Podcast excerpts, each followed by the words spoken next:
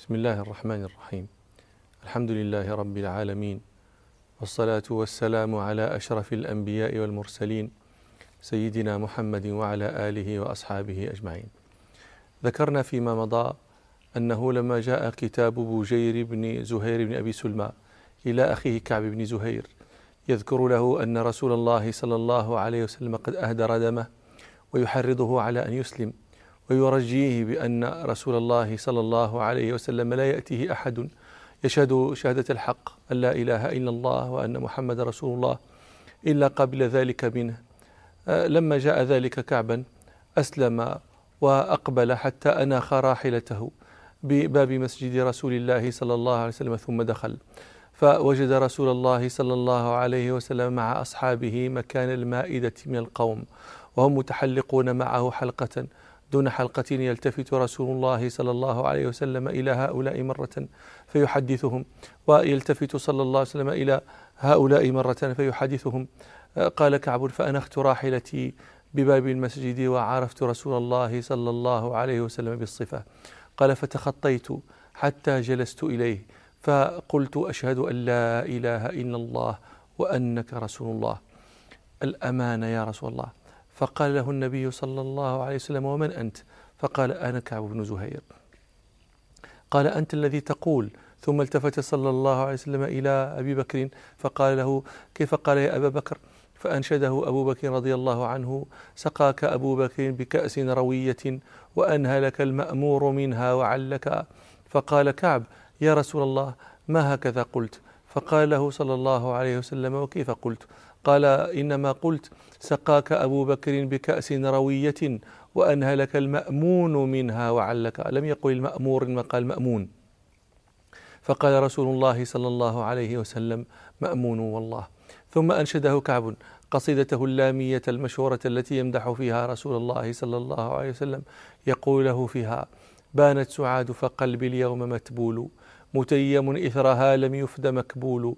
وما سعاد غداة البين إذ ضعنوا إلا أغن غضيض الطرف مكحول.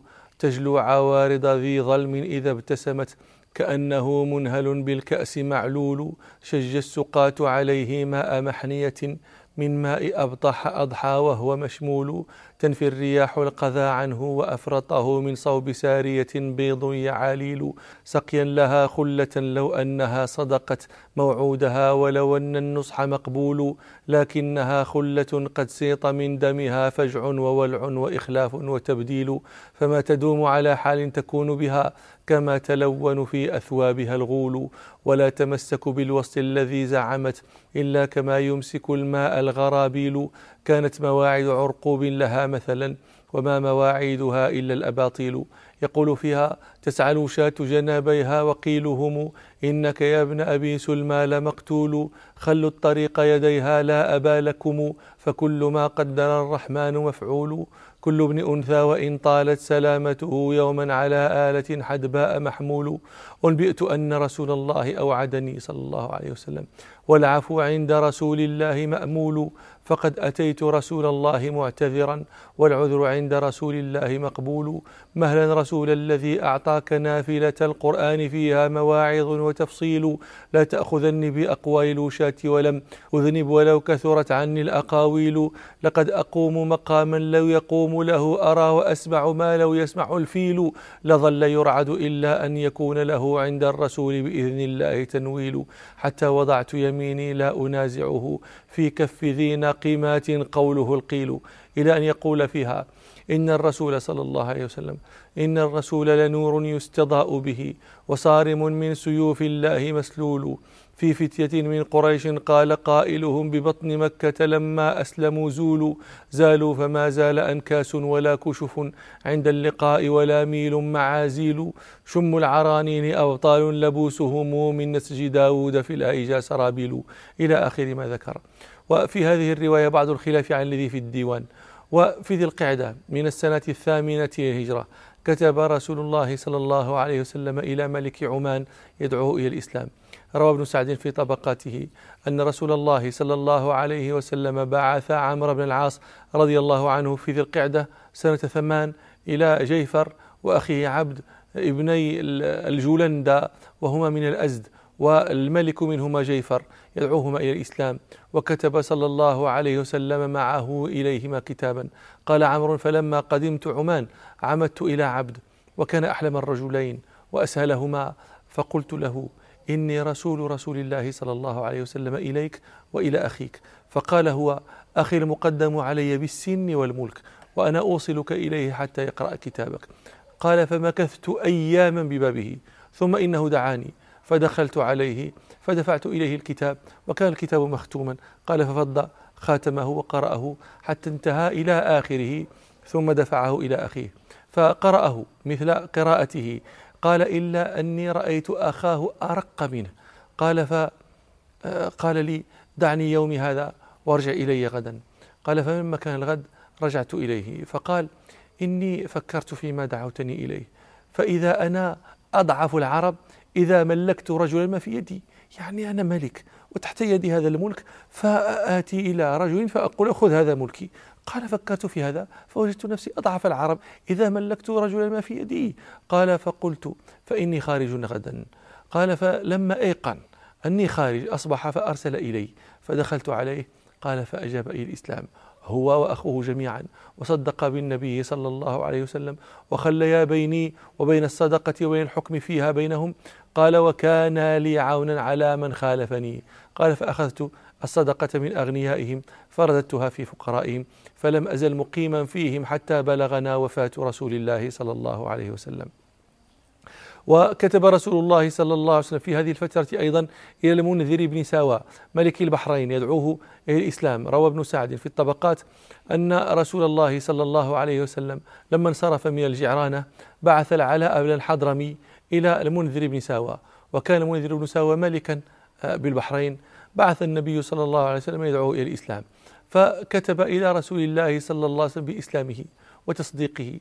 وأخبره أنه قد قرأ كتابه صلى الله عليه وسلم على أهل هجر فمنهم من أحب الإسلام وأعجبه ودخل فيه ومنهم من كرهه.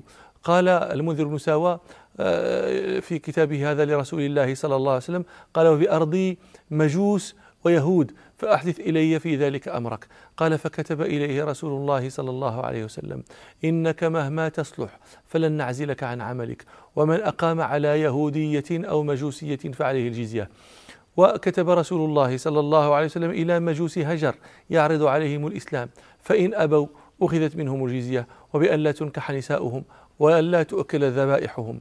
وكتب صلى الله عليه وسلم إلى العلاء بن الحضرمي فرائد الإبل والبقر والغنم والثمار والأموال فقرأ آه، العلاء كتاب رسول الله صلى الله عليه وسلم على الناس وأخذ آه، زكواتهم. وفي ذي القعدة أيضا سنة ثمان لهجرة ولد إبراهيم ابن رسول الله صلى الله عليه وسلم من مارية القبطية. روى مسلم في الصحيح عن أنس بن مالك رضي الله عنه قال قال رسول الله صلى الله عليه وسلم ولد لي الليلة غلام فسميته باسم أبي إبراهيم. وتنافست نساء الأنصار أيهن ترضع إبراهيم بن رسول الله صلى الله عليه وسلم؟ فدفعه رسول الله صلى الله عليه وسلم إلى أم سيف. روى البخاري ومسلم في صحيحيهما. عن أنس بن مالك رضي الله عنه قال ثم دفعه صلى الله عليه وسلم إلى أم سيف امرأة قين. القين هو الحداد. قال امرأة قين يقال له أبو سيف. قال فانطلق يأتيه. انطلق رسول الله صلى الله عليه وسلم يأتي ولده إبراهيم. قال واتبعته. فانتهينا إلى أبي سيف وهو ينفخ بكيره. ينفخ قلنا بكيره لأنه كان حدادا. قال قد امتلأ البيت من دخانه وهو ينفخ. قال فأسرعت المشي بين يدي رسول الله صلى الله عليه وسلم وقلت أبا سيف أمسك جاء رسول الله صلى الله عليه وسلم. قال فأمسك.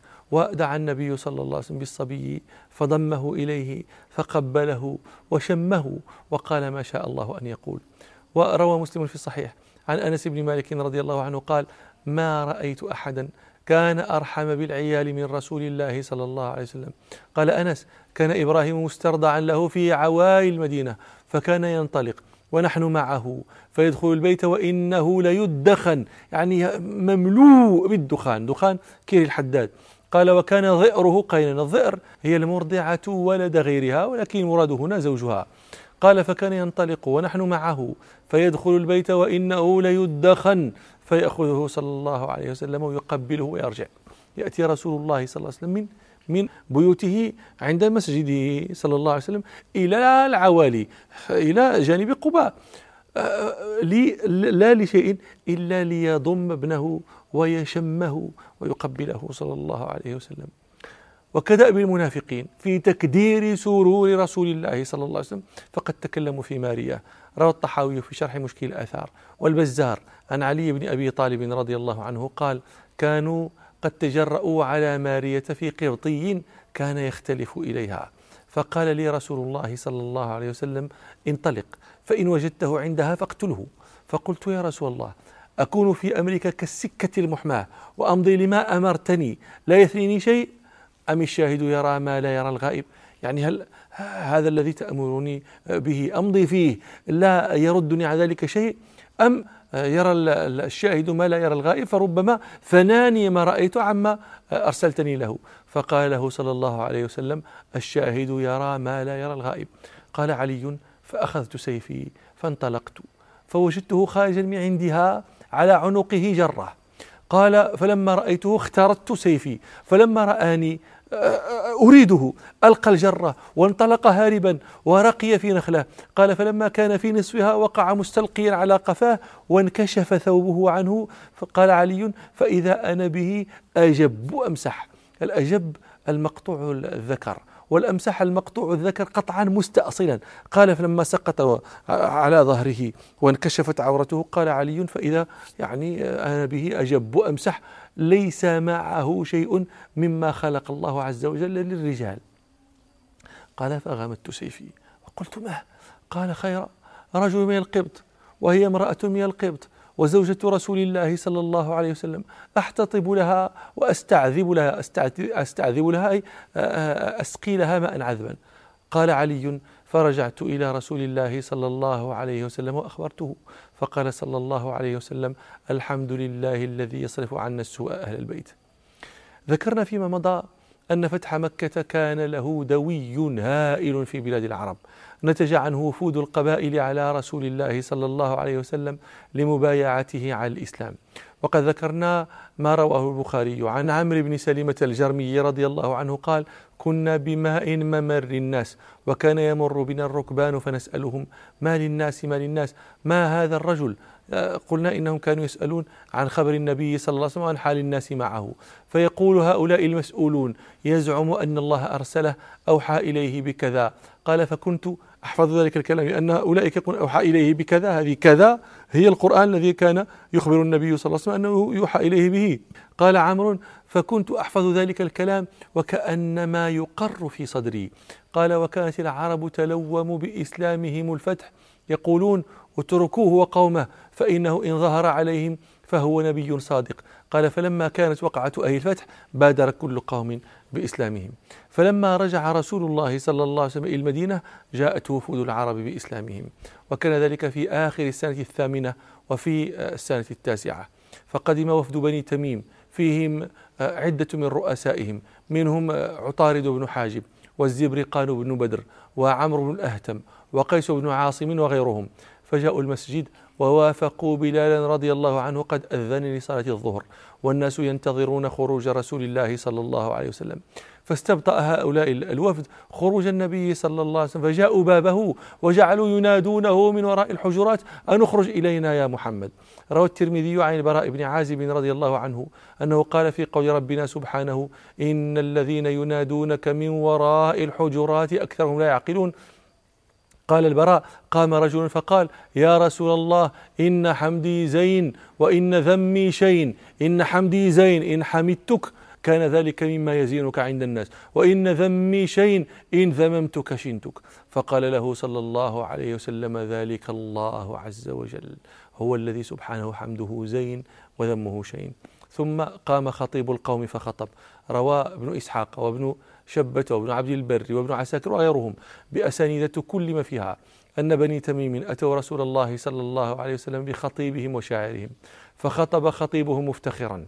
فلما سكت أمر رسول الله صلى الله عليه وسلم ثابت بن قيس بن شماس أن يخطب بمعنى ما ما خطب به خطيبهم. فخطب ثابت بن قيس فأحسن. ثم قام شاعرهم وهو الزبريقان بن بدر. فأنشد أبياتا يفتخر فيها. يقول نحن الكرام فلا حي يقاربنا. منا الملوك وفينا يقسم الربع. الربع هذا يقصد به الربع الغنيمة. كان يقال الربع يقال المرباع وكان النصيب الذي يأخذه الرئيس دون أصحابه. قال نحن الكرام فلا حي يقاربنا. منا الملوك وفينا يقسم الربع. ونحن نطعم عند القحط مطعمنا من الشواء إذا لم يؤنس القزع. يعني الذي نطعمه نحن نطعم. وما الذي نطعمه؟ نطعم الشواء. ومتى نطعمه؟ إذا لم يؤنس القزع. القزع السحاب. يعني نطعم الشحم في المحل في الجد إذا, إذا لم تكن سحابة في السماء فنحن في ذلك الوقت نطعم نطعم الشواء. وأنشد أبياتا. فقال رسول الله صلى الله عليه وسلم لحسان بن ثابت رضي الله عنه قم. فقام حسان رضي الله عنه وأخبركم بالذي قاله حسان فيما نستقبل إن شاء الله. سبحانك اللهم وبحمدك أشهد أن لا إله إلا أنت أستغفرك وأتوب إليك. والحمد لله رب العالمين.